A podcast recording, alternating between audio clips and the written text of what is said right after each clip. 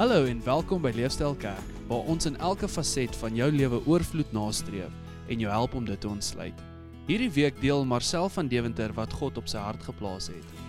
Nou vanmôre die boodskap wat die Here op my hart geplaas het, is 'n is 'n interessante boodskap en is iets wat ek nog nooit voorheen gedoen het nie of iets wat ek nog nooit probeer doen het nie. So ek gaan nou bid dat die Gees my lei in hierdie woord. Kom ons sluit ons oë. Hemelse Vader, ek bid so vanmôre dat U deur U Gees met ons sal praat, Here. Dat hierdie woord wat U op my hart geplaas het, Hemelse Vader, dat U dit vir ons sal duidelik maak, vir ons sal oopbreek, Here. Maar meeste van al, Here, dat my woord vanmôre nie my eie sal wees nie, Here, maar dat dit U Gees is wat deur my praat in Jesus naam. Amen. Nou hoekom ek sê dis 'n interessante woord wat ek vir u gaan bring, is ek gaan vandag is net 36 minute oor 9. Ek gaan vir jou die hele Bybel in 'n halfuur preek. Die hele Bybel. OK, kan ons dit 'n uur en 'n half nie ek speel. Al in 'n halfuur preek. Maar ek gaan net vir tydsonthalwe gaan ek een gedeelte lees en ons gaan vir ons daar begin vanmôre. En dis in Johannes 17 vers 13 tot 16. En dit sê, maar nou kom ek na u toe en dis Jesus wat praat en hy sê en ek spreek hierdie dinge in die wêreld sodat hulle my blydskap volkome in hulle kan hê. Ek het ek het hulle u woord gegee en die wêreld het hulle gehaat omdat hulle nie van die wêreld is nie, net soos ek nie van die wêreld is nie. Ek bid nie dat u hulle uit hierdie wêreld wegneem nie, maar dat u hulle van die bose bewaar. Baie interessante gedeelte wat ons hier sien, nê, want hier is daai gedeelte wat sê ons is nie van die wêreld nie, maar ons is in die wêreld, nê. En dit is hierdie vreemde konsep wat ons het oor Christene dat ons sê maar okay, jy as jy nie van die wêreld is nie, waarvandaan is jy? Ons gaan terugkom hierna toe. Okay, so hier gaan ons. Wag net.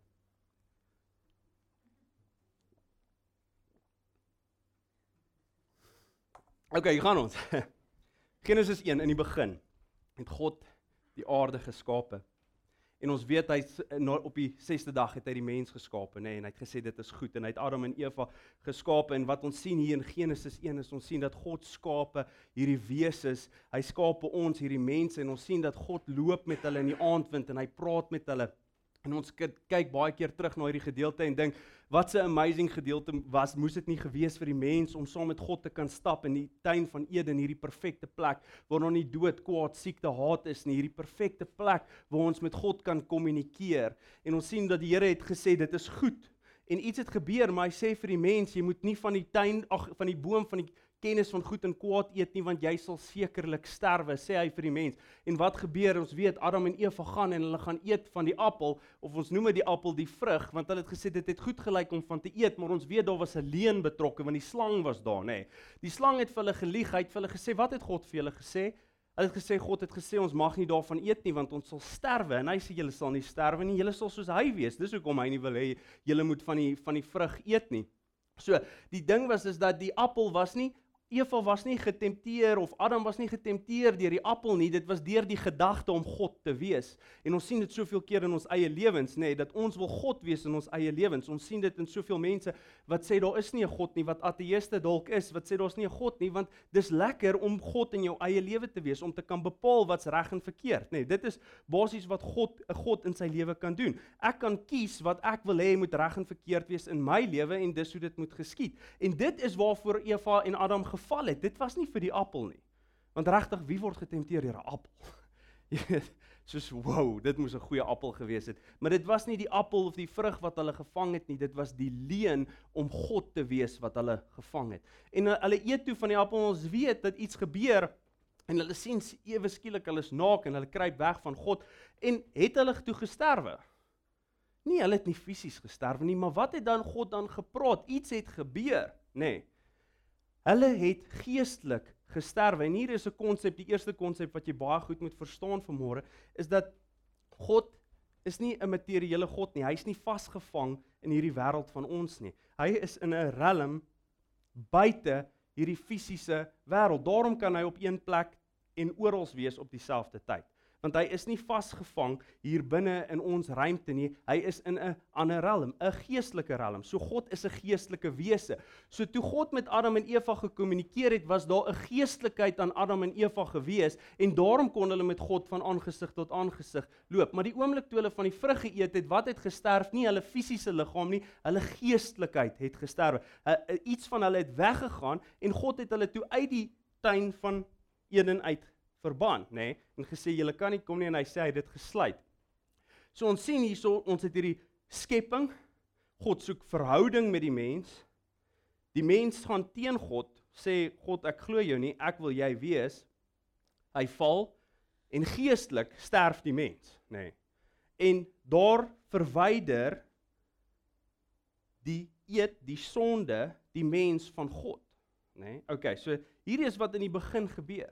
En die volgende gedeelte wat ons sien is is ons sien die volgende gedeelte in die Bybel kom ons hier by Moses kry ons die wet nê nee, wat in in plek gestel word. God gee vir Moses die 10 gebooie, die julle moet en julle moenie. Jy sien want van daardie oomblik af toe die mens van God geskei is, toe probeer hy weer by God uitkom. Toe probeer hy regmaak met God. Toe probeer hy iets betaal, 'n prys betaal om vir God te sê ek is jammer, ek wil weer in verhouding met U staan, want toe daai geestelikes deel sterf van hom, toe mis hy dit, toe voel hy hierdie gat in sy hart en ek beloof vir jou vanmôre, so goed as wat jy hier sit, jy voel dit ook in jou lewe. En elke nasie op aarde voel dit in waar ook hulle is, geen enige tribe, jy kan in enige uh, tribe in Afrika ingaan as jy na hom toe gaan, het hy 'n offerstelsel in plek, nê. Nee, hy offer diere of mense. Ons kan kyk reg oor die wêreld, hulle het gode gekerf want daar was 'n geestelike deel wat missing was in sy lewe wat hy na gehonger het en hy het gesoek en hy het besef dat hier is iets wat ek soek, so daarom moet ek iets doen. Ek moet 'n prys betaal om reg te maak. Dis wat 'n offer is. En as jy selfs as jy sê daar's mense wat nie in God glo nie, hulle offer ook op, maar hulle offer vir die God van hulle self, want hulle offer hulle tyd en hulle geld op om hierdie God van hulle self gelukkig te hou. Jy sien, dis wat 'n offer is, is 'n prys wat jy betaal. Wanneer jy nou iets opoffer om gym toe te gaan, offer jy jou tyd en en energie en en dalk 'n lekker ete op om te gaan gym, maar jy doen die opoffering vir wat? Vir 'n toekomstige verbetering nê? Nee, want jy soek 'n verbetering dalk aan jou liggaam of jou gesondheid of wat ook al jou rede mag wees. En dit was dieselfde met die offerstelsel wat ons sien in die Ou Testament. En ek wil hê julle moet dit verstaan dat dit was die mens wat nodig gehad het en gesê het God ek wil met u kommunikeer ek wil met u praat. Maar omdat hulle geestelik dood was kon hulle nie meer met God kommunikeer nie. So daarom het hulle gedink hoe kan ek by God uitkom? Is o ek gaan iets brand want rook gaan op En daarom het elke nasie wat al het hulle nie God geken nie, het hulle 'n God geskep en hulle het hulle eie gedink, maar hoe kan ek hierdie God happy maak? En dit maak nie saak wat hulle gedoen het nie, hulle het nie dit ervaar nie want hulle het aan verkeerde gode geoffer en daarom het hulle selfs in sekere nasies hulle kinders en mense geoffer. Hulle het hulle self begin sny want hulle het gesê ek het hierdie leegte in my God, ek soek U en ek weet nie wat om te doen nie. Ek sal enigiets doen om net terug te wen dit wat ek verloor het. Ek ek gee nie om met wie jy praat nie, maar elke persoon wat hier sit, glo en daar is magte wat buite hulle beheer is want baie mense sal sê, "Wel, ek glo nie dalk in in in al hierdie goed nie." En dalk sit jy hier vanmôre en sê, "Ek glo nie dat daar 'n God nie of ek glo nie in in engele en ek glo nie in demone, ek glo nie dink nie, maar ek belowe jou, het jy al gesê, "Wel, daai ou is lucky." Wat is luck? Kom ons vat dit net. Jy as jy sê iemand is lucky, sê jy dat daar is 'n mag wat buite materiële bestaan is wat ingewerk het op daai ou se lewe en daarom gebeur dinge. As jy in die woord gesê jy's lucky, dan sê jy daar is 'n geestelike krag. As jy sê jy's unlucky, dan sê jy daar is een of ander geestelike ding buite my beheer wat 'n werking op my lewe het wat veroorsaak dat sekere dinge in my lewe gebeur. Stem jy saam met my? Selfde is dit as jy sê iemand is geseënd of iemand is vervloek. Mense wat glo daar's 'n vloek oor my lewe. My oupa het dit gedoen en daar's daar's vloeke. Wat jy eintlik sê is daar's geestelike magte wat nie in ons beheer is nie, wat 'n uitwerking op ons lewe het en jy's reg, daar is geestelike magte wat 'n uitwerking op ons lewe het en jy voel dit want daar is 'n God, want daar's 'n deel van jou as gevolg van die tyd toe Adam en Eva gesondig het wat gesterf het en al die tyd probeer die mens terugkom. En die mens het gedink en dit is waar ons hier Exodus deur gaan die mens het gedink dat deur as ons net die regte ding offer as ek net die regte ding doen dan kan ek weer in reg staan met God kom. sien want daar was 'n 'n sonde gepleeg en ons kan dit so goed stel in 'n verhouding dalk in 'n huwelik en en jy kyk in jou huwelik en een maak die ander een seer nê. Nee, dan verwag jy die ander een moet regmaak jammer kom sê en en vir afhangend van wat gebeur het is dalk jou jou mate van jou verwagting van wat hy moet doen of sy moet doen om reg te maak meer nê nee. Het jy dit al so gesien en so die mens gevoel dat daar is 'n prys wat ek moet betaal om reg te maak met God. Maar ongelukkig was daar geen prys wat hierdie sonde want ons het die oomblik toe ons vir die slang geglo het, toe Adam en Eva geglo het wat die vyand gesê het, het hulle gesê God het vir ons gelieg. Hy het vir ons gesê ons sal sterwe. Ons gaan nie sterwe nie. Ons gaan soos hy wees. En in 'n mate het ons egbreek gepleeg met God en ons kon nie meer met hom kommunikeer nie. So toe sê die mense ek wil goed offer, maar die Here moes intree daar want verstaan julle hier omdat hierdie as ons kyk na die ander nasies van die wêreld kan ons so duidelik sien dat hulle tot die ekstreems gegaan dat hulle kinders geoffer het en mense geoffer het want die honger na die geestelike was so groot dat hulle wil net hê dat Here ek wil iets doen dat U my net sal seën dat dit sal goed gaan met my, dat dit sal reën daar waar ek plant, dat dit sal goed gaan met my familie, ek sal enigiets doen. En daarom was dit so nodig dat God moes intree en sê, "Oké, okay, hierdie is die offers wat julle moet bring." As ons kyk na dit wat hy vir die Israeliete gesê het, want hy het gesê, "Ek is nie soos daai gode nie. Ek wil nie hê julle moet julleself sny nie. Julle moenie julle kinders offer nie." God moes intree, want anders sou die mens die offers heeltemal te ver gevat het, soos ons gesien het, hulle dit gedoen het.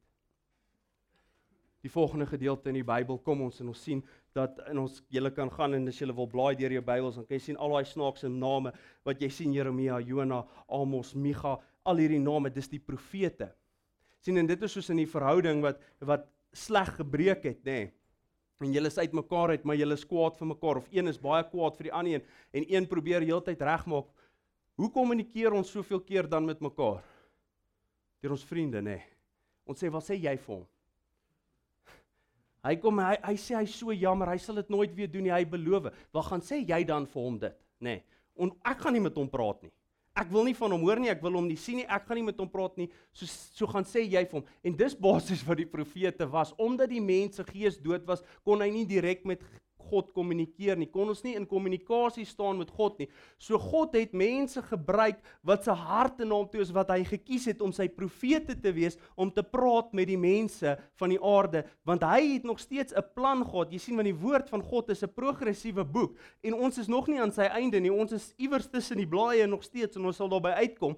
Is ons nog besig. So hier in die Ou Testament sien ons dat ons uit die begin God en met die val in die skepping. En toe het ons gesien dat God het die wet gegee vir die offers laat ons probeer regmaak in ons menslikheid maar niks wat die mense kon doen kon dit regkry nie. So hulle het heeltyd weggeval hulle het heeltyd foute gemaak dan seën God hulle en dan draai hulle weg. Ons sien dit herhaaldelik in die Ou Testament. En daarom het God hierdie profete gestel om nog steeds met hierdie mense te kan praat en sê ek is nog steeds hier al voel jy my nie al kan jy nie met my praat nie. Deur my profete kommunikeer ek nog met julle want ek het 'n plan en ek is besig met 'n plan en ons is besig om by uit te kom.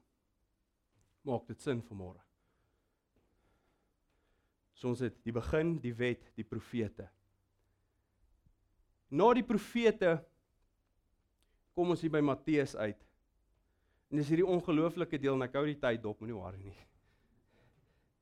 Hulle sê hy is nog in die Ou Testament. Jy weet waarskynlik is ons is by 12 minute hier. Jy's nog in die Ou Testament. En ons kom hier by Matteus. En hierdie ongelooflike ding gebeur dat God word mens en dalk het jy al van van Jesus gehoor en dalk weet jy ken jy al so half sy stories maar weet jy wat dit beteken het? Jy sien met al die offers wat die mens gebring het om te probeer regmaak met God, al die goed wat hulle probeer betaal het, alles wat hulle gebrand het, alles wat hulle bereid was om op te offer om reg te maak wat God kon nie die prys betaal nie, kon nie regmaak vir dit wat fout gedoen is nie. En dalk ken jy dit, dalk het jy 'n verhouding in jou lewe met iemand waar daar skade is en maak nie saak hoe baie jy jammer sê nie, maak nie saak hoe baie jy vra vergewe my nie, maak nie saak wat jy doen nie, jy kan nie nie daai verhouding weer reg kry nie. En dit is hoe dit was met met die mense en God, want niks kon die prys betaal dat ons se God 'n leenaar gemaak het en vir hom gesê het jy het vir ons gelieg nie. En ek dink baie keer dan wonder mense oor die offerstelsel en ek dink en ons sien dit so duidelik selfs in Hebreërs dat omdat die mens so skuldig gevoel het, ons sien soveel keer dan sal mense vir ons sê, "Ja, maar julle God het gesê julle moet goed offer en hulle moes goed brand en diere doodmaak." Wat 'n tipe God? Besef ons dat daardie goed was eintlik vir ons eie gewete want die mense het hierdie honger gehad en daarom soos ek sê as jy kyk na enige nasie wat 'n god vir hulle self geskep het, het hulle goed geslag en doodgemaak vir die god want daar is 'n 'n guilt wat op hulle hart lê dat ek moet regmaak met hierdie gode wat hierdie invloed met hierdie geestelike wat 'n invloed het op my lewe.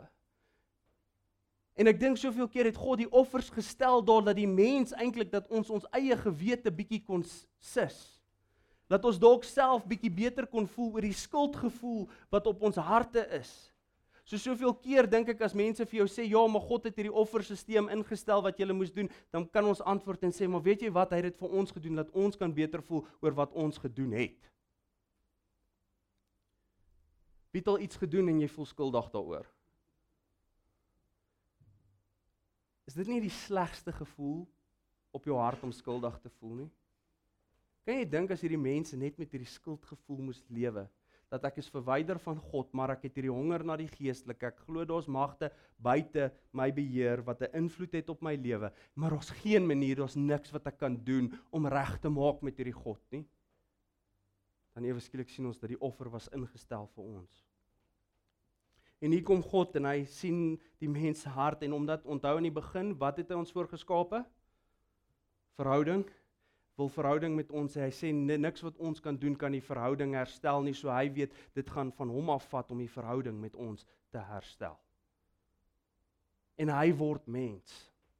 En Jesus kom en jy kan die die evangelies gaan lees en Jesus kom en hy word mens. En terwyl op mens is, eers bewys hy vir ons dat hy is die seun van God. Hy doen soveel wonderwerke. Hy gaan en hy gaan verkondig en hy praat oor God en hy sê oor die koninkryk wat gaan kom en hy kry disippels en hulle begin hom volg en hy begin praat teen die wet. Ons sien Jesus se groot uh, teestanders was die fariseërs geweest, die mense wat gesê die wet, jy moet en jy moet en jy moet en Jesus kom eintlik en sê dat weet jy wat niks wat jy doen gaan die prys kan betaal nie. Maar volg my want ek weet wat dit gaan vat om hierdie prys te betaal vir jou sonde om jouself reg te maak met God sodat hierdie geestelike realm, hierdie geestelike wese wat 'n invloed op jou lewe het, dat jy weer in verhouding met hom kan staan. En Jesus leer en hy vertel en hy bewys aan die mense dat hy is die seun van God. En hy kom uiteindelik En die vyand val aan en die vyand dink hy kry oorwinning want hy weet wat Jesus probeer die verhouding met God herstel. Ons sien dat die die slang en ons het dit nou gepraat met die vyand reeks ken jou vyand reeks sy hoofdoel is om jou verhouding met God te breek. Dis sy eerste doel. Sy tweede doel is om jou verhouding met mekaar te breek want ons bid mos en die Here sê wat is die belangrikste gebod? Jy moet jou Here jou God lief hê met jou hele hart, verstand en siel, nê? Nee, en daarteen staan en gelykstaande daarin is jy moet jou naaste lief hê soos jouself. So die vyand haat verhouding. Hy haat verhouding. Hy haat jou verhouding met God en hy haat jou verhouding met mekaar. So eerste breek hy jou probeer hy jou verhouding met God breek. Tweede, as hy dit reg kry of nie reg kry nie, probeer probeer hy jou verhouding met mekaar breek. Dit is sy strategie, want God is 'n God van verhouding. En Jesus kom en hy weet wat nodig is om hierdie verhouding te stel, want hy is God en hy sterf op die kruis en jy ken hierdie storie al van sonnaarskool af hy sterf vir jou sondes. Verstaan julle dat hy die prys betaal vir die sonde? Hy het die volmaakte offer gebring die, omdat hy perfek was. Hy wat sonder sonde was gesterf het. En ewe skielik gebeur daar iets. Ons sien daai dag toe hy sterf en ons sien in die tempel nou moet jy onthou dat God het vir hulle hierdie uiteensetting gegee van wat die tempel moet wees en daar was verskillende gedeeltes gewees, maar daar was 'n gedeelte wat die allerheiligste was, want die teenwoordigheid van God was daar gewees en hy was toegemaak met 'n 'n groot soos 'n kleedmantel tipe ding, maar dit was dik gewees. En die priester, die hoofpriester mag een keer 'n jaar daarin gaan, maar God was se teenwoordigheid was daar en wat hulle gedoen het is hulle het klokkies aan hom vasgemaak, nê? Nee, sodat en hy moes aanhou beweeg en 'n tou aan hom vasgemaak want as hy ingegaan het en daai klokkies het ophou lui het hulle geweet hy het gesterf dan moes hulle hom uittrek met 'n tou Dit was die allerheiligste. Die mens mag nie by God uitgekom het nie. Sy teenwoordigheid was daar en God het een keer 'n jaar 'n geleentheid gegee vir die hoëpriester om in sy teenwoordigheid in te gaan om weer met die mense te praat. En die oomblik toe Jesus gesterf het aan die kruis staan daar die voorhangsel het geskeur. En die ongelooflike deel is as jy dit gaan lees, die voorhangsel het van bo tot onder geskeur. So ek sien dit hoe God vat en hy skeur hom van bo af af en hy sê nou dat die prys betaal is, is my verhouding met jou herstel. Jy mag weer na my toe kom.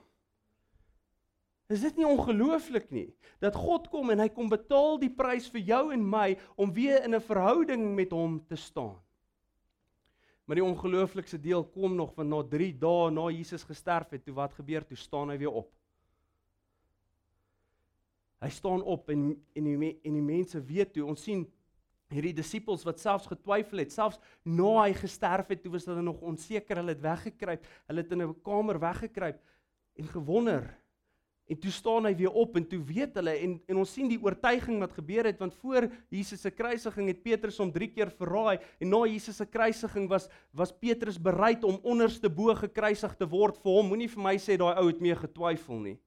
Hy het geweet wat hy gesien het dat hy het opgestaan en hy het geweet hy is God want Jesus het gesê ek sal vir jou die teken van Jona gee. Soos Jona 3 dae in die maag van die vis was so sal die 'n seun van God 3 dae seun van die mens 3 dae in die buik van die aarde wees. En toe weet hulle dat hy is die seun van God en hulle het gegaan en die kerk begin stig. En hier kom die volgende gedeelte van die woord na die evangelies hier sien ons handelinge. En wat gebeur in handelinge?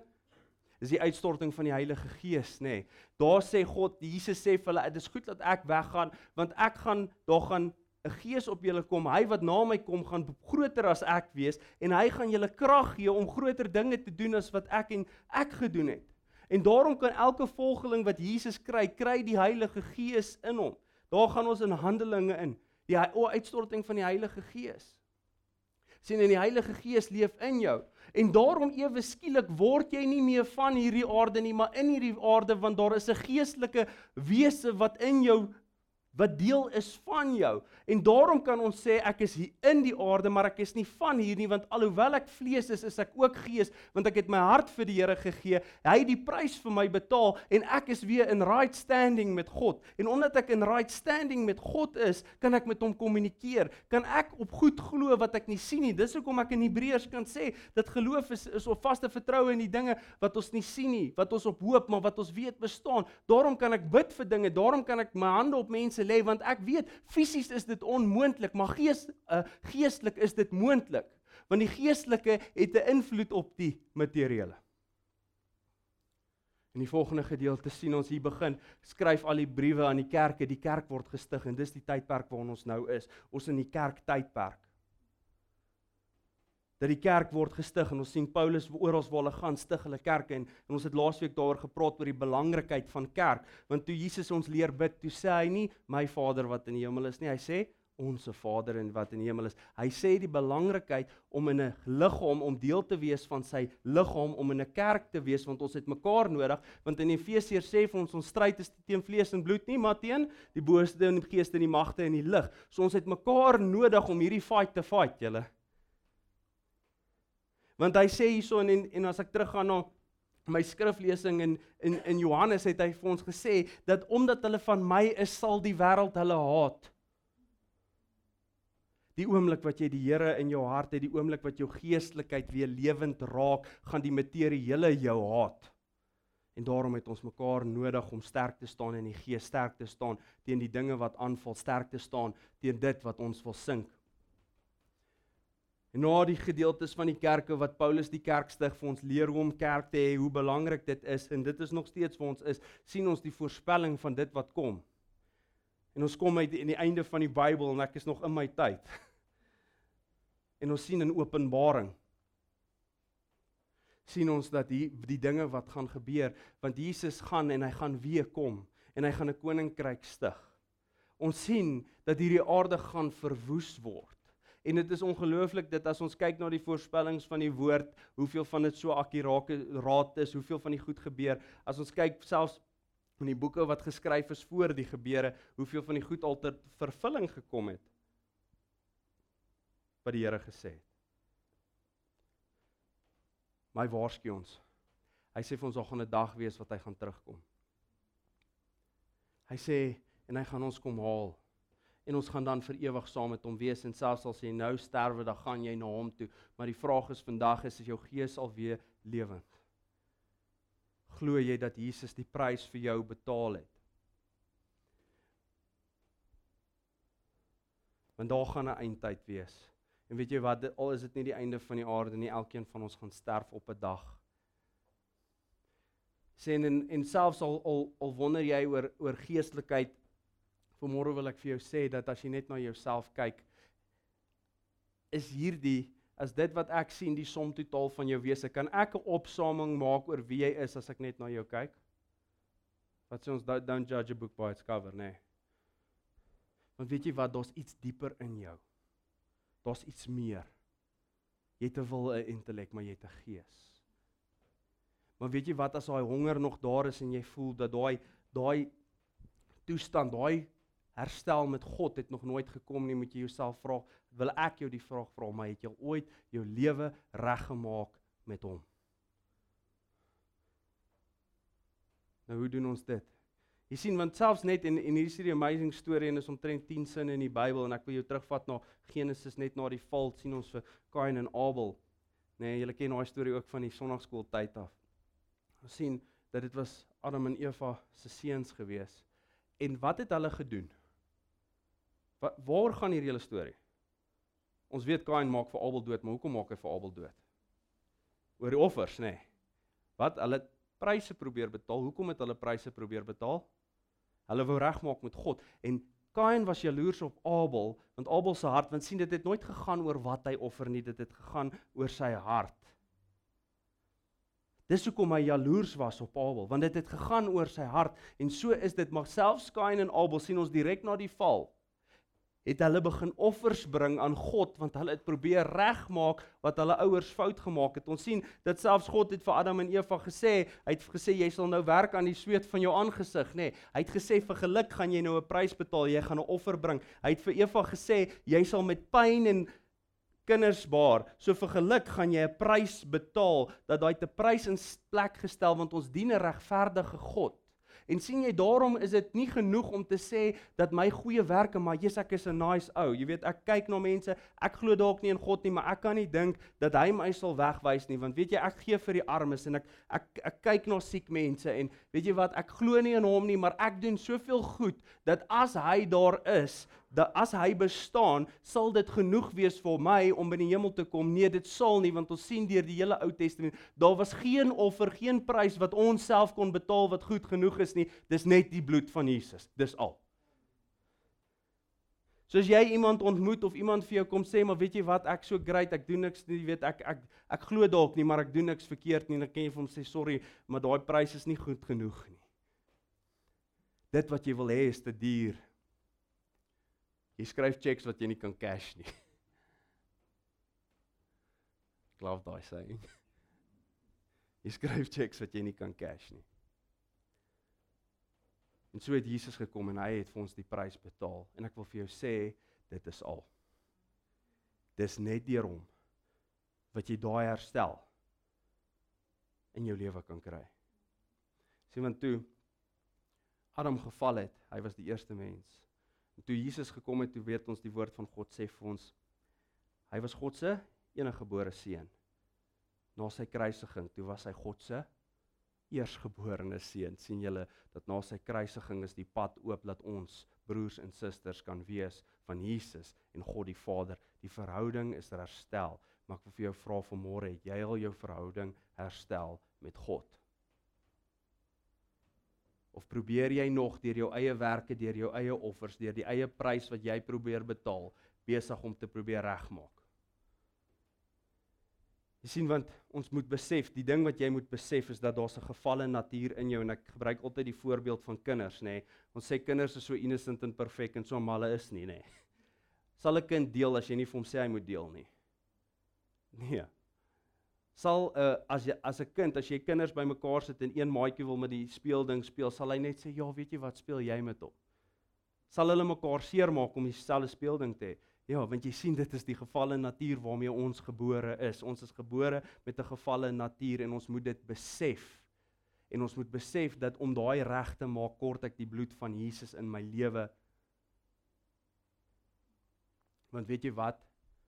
Ons kyk na kinders en verstaan my korrek. Ek dink nie as 'n kind sterf of enigiets hy gaan help toe nie, maar ek sien net dat daai natuur van die mens, ons natuurlikheid van die mens is eintlik sleg. 'n Ateïs, kom ek sê vir jou nou, hy sal 'n mens offer. Wat sê ek daarvan? Hy sal iemand in die rug steek by die werk om by 'n hoër posisie te kry. Want hy kan bepaal wat's reg en verkeerd. So betaal ons almal pryse. Maar Jesus het die prys vir jou betaal. Hy kom maak reg. Hy het kom regmaak, maar jy moet dit aanvaar. Jy moet onder hom inkom. Jy moet sê Here, dankie. Jy moet jouself bely voor hom. Jy moet oopmaak voor hom en sê Here, ek weet U die prys betaal. Ek kan nie die prys betaal nie. Ek het vir so lank het ek probeer om reg te maak met God en ek kry dit nie reg nie en ek kan sien in my lewe dat daar's dinge wat met my gebeur wat ek nie verstaan nie en ek het God net so nodig.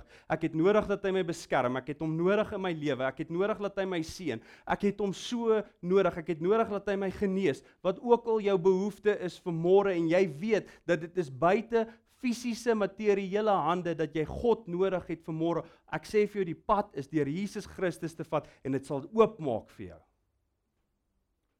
Maar die keuse is jou en hy sê vir ons in die woord. Ek sit voor jou lewe en dood. Kies. Dat ons dien 'n God van liefde. Hy het nie robotte geskape nie. Hy soek verhouding. Geen verhouding is 'n verhouding as jy iemand forceer in 'n verhouding nie. 'n Verhouding is slegs 'n verhouding as albei kante kies om in daai verhouding te wees. En ek sluit af. Thanks, julle kan nog voorkom. Halfuur op die kop. Dis die Here. Ek wil vir jou die buitelyne gee van die Bybel want ek weet jy gaan met mense praat en as jy vandag besluit dat jy wil regmaak met die Here, as jy vanmôre hier sit en sê jy wil hê die Here moet daai prys vir jou betaal want jy kan dit nie betaal nie en jy gaan aanvalle kry van die wêreld af. Wil ek hê jy moet die Bybel verstaan en daarom het ek vir jou hierdie plan uitgesit, hierdie twee hakies, die begin en die einde en wat gebeur het, want hulle gaan jou probeer aanval en hulle gaan jou verseker probeer aanval uit die Ou Testament uit. Laat jy kan verstaan wat God se plan was al die tyd. Sy plan van die begin af was net om in 'n verhouding met jou te staan. Sy plan van die begin af was om om jou te seën, om vir jou lewe te gee. Maar dit was ons wat weggedraai het. Ek wil jou sê wat is die volgende stap? Die woord sê ek het geglo in my hart en dan het ek bely met my mond. Maar hy leer ons ook dat geloof sonder werke is is dood. Ek wil jou aanmoedig dat as jy vanmôre hierdie besluit gaan maak en ek wil vir jou verduidelik dat jy besef dat daar 'n gefalle natuur in jou, maar jy glo dat deur die bloed van Jesus is daar vir jou redding dat jou gees weer lewend geword het. Wat moet wat moet dan gebeur? Ek moet sê daai gefalle natuur, daai wat ek van Adam geërf het, wil ek afsterf, want ek wil net aankleef dit wat Jesus vir my gegee het. Daai lewe is die een wat ek wil aankleef. En God het vir ons 'n weer eens 'n fisiese daad in plek gestel om te sê ek wil daai gefalle natuur afsterf en dis die doop. En ek weet mense voel maar ek moet reg wees en daar's soveel dinge. Nikodemus kom en toe oomblik wat hy vir Jesus glo sê hy vir toe hy in Jesus glo sê hy vir hom maar daar's water kan ek gedoop word. Dadelik. Want hy wil sê ek wil die ou lewe afsterf. Ek wil daai menslikheid afsterf. Ek wil net die geestelikheid aankleef sodat ek ook kan sê ek is in hierdie wêreld maar ek's nie van hierdie wêreld nie. Hierdie wêreld het 'n dalk 'n invloed op my, maar daar's 'n geestelike Vader wat sterker is as enigiets wat hierdie aarde my kant toe kan gooi. En ek wil vir jou vanmôre net inligting gee dat die klein doop is nie die groot doop nie. Die klein doop wat gebeur is 'n verbond. Dit kom van die verbond af. Dit kom eintlik in plek van die besnydenis het die kerk die klein doop ingestel waar ons eintlik 'n belofte maak dat hierdie kind behoort aan God. Waar die doop, die groot doop is is is 'n is ek wat sê ek sterf daai menslikheid af. Ek wil gedoop word want ek wil daai menslikheid daardie afsterwe. Die groot doop en die klein doop is nie dieselfde ding nie. Want 'n baba kan tog nie kies nie, kan hy? Maar God sit voor my en jou die keuse. En ek noem dit vanmôre want volgende week gaan ons 'n doopdiens hou hierso. En enigiemand wat belangstel om gedoop te word wat vanmôre dalk besluit, al kies jy vanmôre om Jesus te volg en jy sê maar ek kies dit met my hele hart en ek wil dit doen. Kom sê net vir my, Marcel, ek wil volgende week gedoop word. Net na die tyd. Nou gaan vir jou geleentheid gee en ons gaan 'n doopdiens hou en ons gaan daai ou mens afster want ons het bely met ons mond, ons het geglo in ons hart en ons het bely met ons mond. En ek gaan die daad by dit wat ek sê doen en ek wil hê die wêreld moet sien wie ek is. Ek wil hê die wêreld moet sien. Ek wil hê my broers en susters om my moet sien oor my besluit wat ek gemaak het. Want daar's 'n geestelike julle En elkeen glo dit en ek wil vir jou sê dat die sterre bepaal nie jou toekoms nie. Die van julle wat dalk daai goed is, die God het die sterre geskape. Hou op die geestelike en die materiële dinge soek. Daar's net een God. Hy's 'n drie-enige God. As jy die God soek, hy's in jou. Die Heilige Gees is in jou. Het jy al God in jou ervaar? Ons soek hom soms so buite ons, maar hy's in jou want die Heilige Gees woon in jou. En Jesus wat aan die regterkant sit, hy is ons koning. Die woord sê vir ons hy gaan tree vir ons in by God. En ons het God die Vader wat sê As julle aardse vaders weet dan om goeie dinge vir julle kinders te doen, hoeveel nie te meer weet ek julle hemelse Vader om goeie goed vir jou te doen. Hy sê maar staan net in verhouding met my, word net my kind want ek het soveel vir jou beplan. Jy het 'n doel hier, jy het 'n purpose. Jy's nie net hier om jou tyd uit te koop nie. Jy's nie net hier om asem te haal om te sterf nie. Jy's hier om te lewe. Jy het 'n doel, maar kies my, kies my. Ek wil jou wys en dit gaan 'n adventure wees. Dit gaan 'n amazing adventure wees met ups and downs en moeilike tye en goeie tye, maar jou Vader gaan saam jou stap en jy gaan aan die einde kom en jy kan ook sê dat ek hierdie wedloop voltooi en ek het dit met volharding gehardloop en ek weet aan die einde gaan Jesus staan en vir my wag en hy sê goeie en getroue dienskneg. Kom ons sluit ons oë.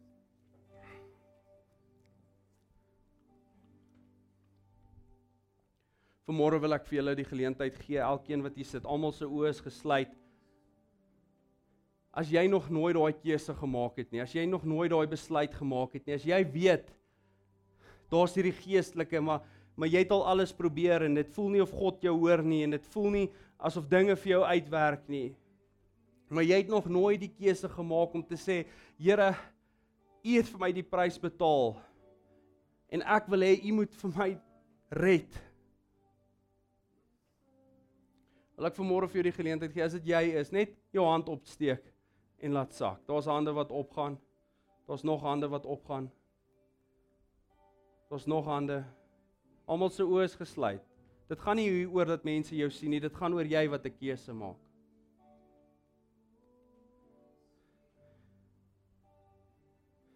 Jy wat sê Jesus, ek glo U is die seun van God en U het die prys betaal wat ek nooit kan betaal nie. Niks wat ek kan doen kan my verhouding met God herstel nie. Alleenlik wat U gedoen het, kan my verhouding met God herstel. As daar nog iemand is vanmôre wat wil ingesluit word, ek gaan vir ons bid. Daar's nog hande wat opgaan. Ek wil nie moenie hierdie oomblik laat verbygaan nie. Jy weet nie wanneer jy dit weer gaan kry nie. As jy vanmôre op jou hart iets voel, ek kan jou waarborg dis die Heilige Gees wat besig is om met jou te praat, om besig is om jou te oortuig.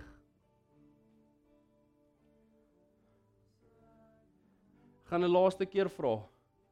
So iemand wat vanaand wil sê, Here, ek wil my vanmôre wil sê, Here, ek wil my verhouding met U regmaak deur die bloed van Jesus. Die Here sien daai hande. Steek jou hand op. Daar's nog hande wat opgaan. Ek gaan vir ons bid. En ek gaan vra dat elkeen, of jy gelowige of nie gelowig is, elkeen wat nou hier sit agter my aan sal bid hardop. Laat niemand alleen hoef te bid nie want ek sê vir soveel hande het opgegaan in elk geval vanmôre in hierdie vertrek dat dit is vir ons almal, maar kom ons kom ons bid saam. En dalk is jy, dalk het jy al jou hart vir die Here gegee. Dalk het jy al reggemaak, maar dalk wil jy net weer kom en sê Here, ek wil net opnuut met U regmaak. Ek wil net opnuut verklaar. As dit jy ook is, bid saam en bid saam in jou hart. Bid agter my aan. Here, ek kom vanmôre voor U. 'n sondaar. Gebroke en seer. Maar Vader, vanmôre wil ek my verhouding herstel. En ek weet daar's niks wat ek kan doen om dit te bewerkstellig nie. Alleen deur u seun. Here Jesus, ek aanvaar nou die prys wat u vir my betaal het. Here kom en was my skoon. Maak my nuut. Maak my 'n seun of dogter van die lewende God. Ek verklaar van hierdie dag af vorentoe sal ek lewe volgens u woord en nastrewe die doel wat u op my hart geplaas het in Jesus naam amen Baie dankie vir die saamkuier by Leefstyl Kerk. Volg ons op Twitter, Instagram en Facebook. Leefstyl Kerk, want geloof is 'n leefstyl.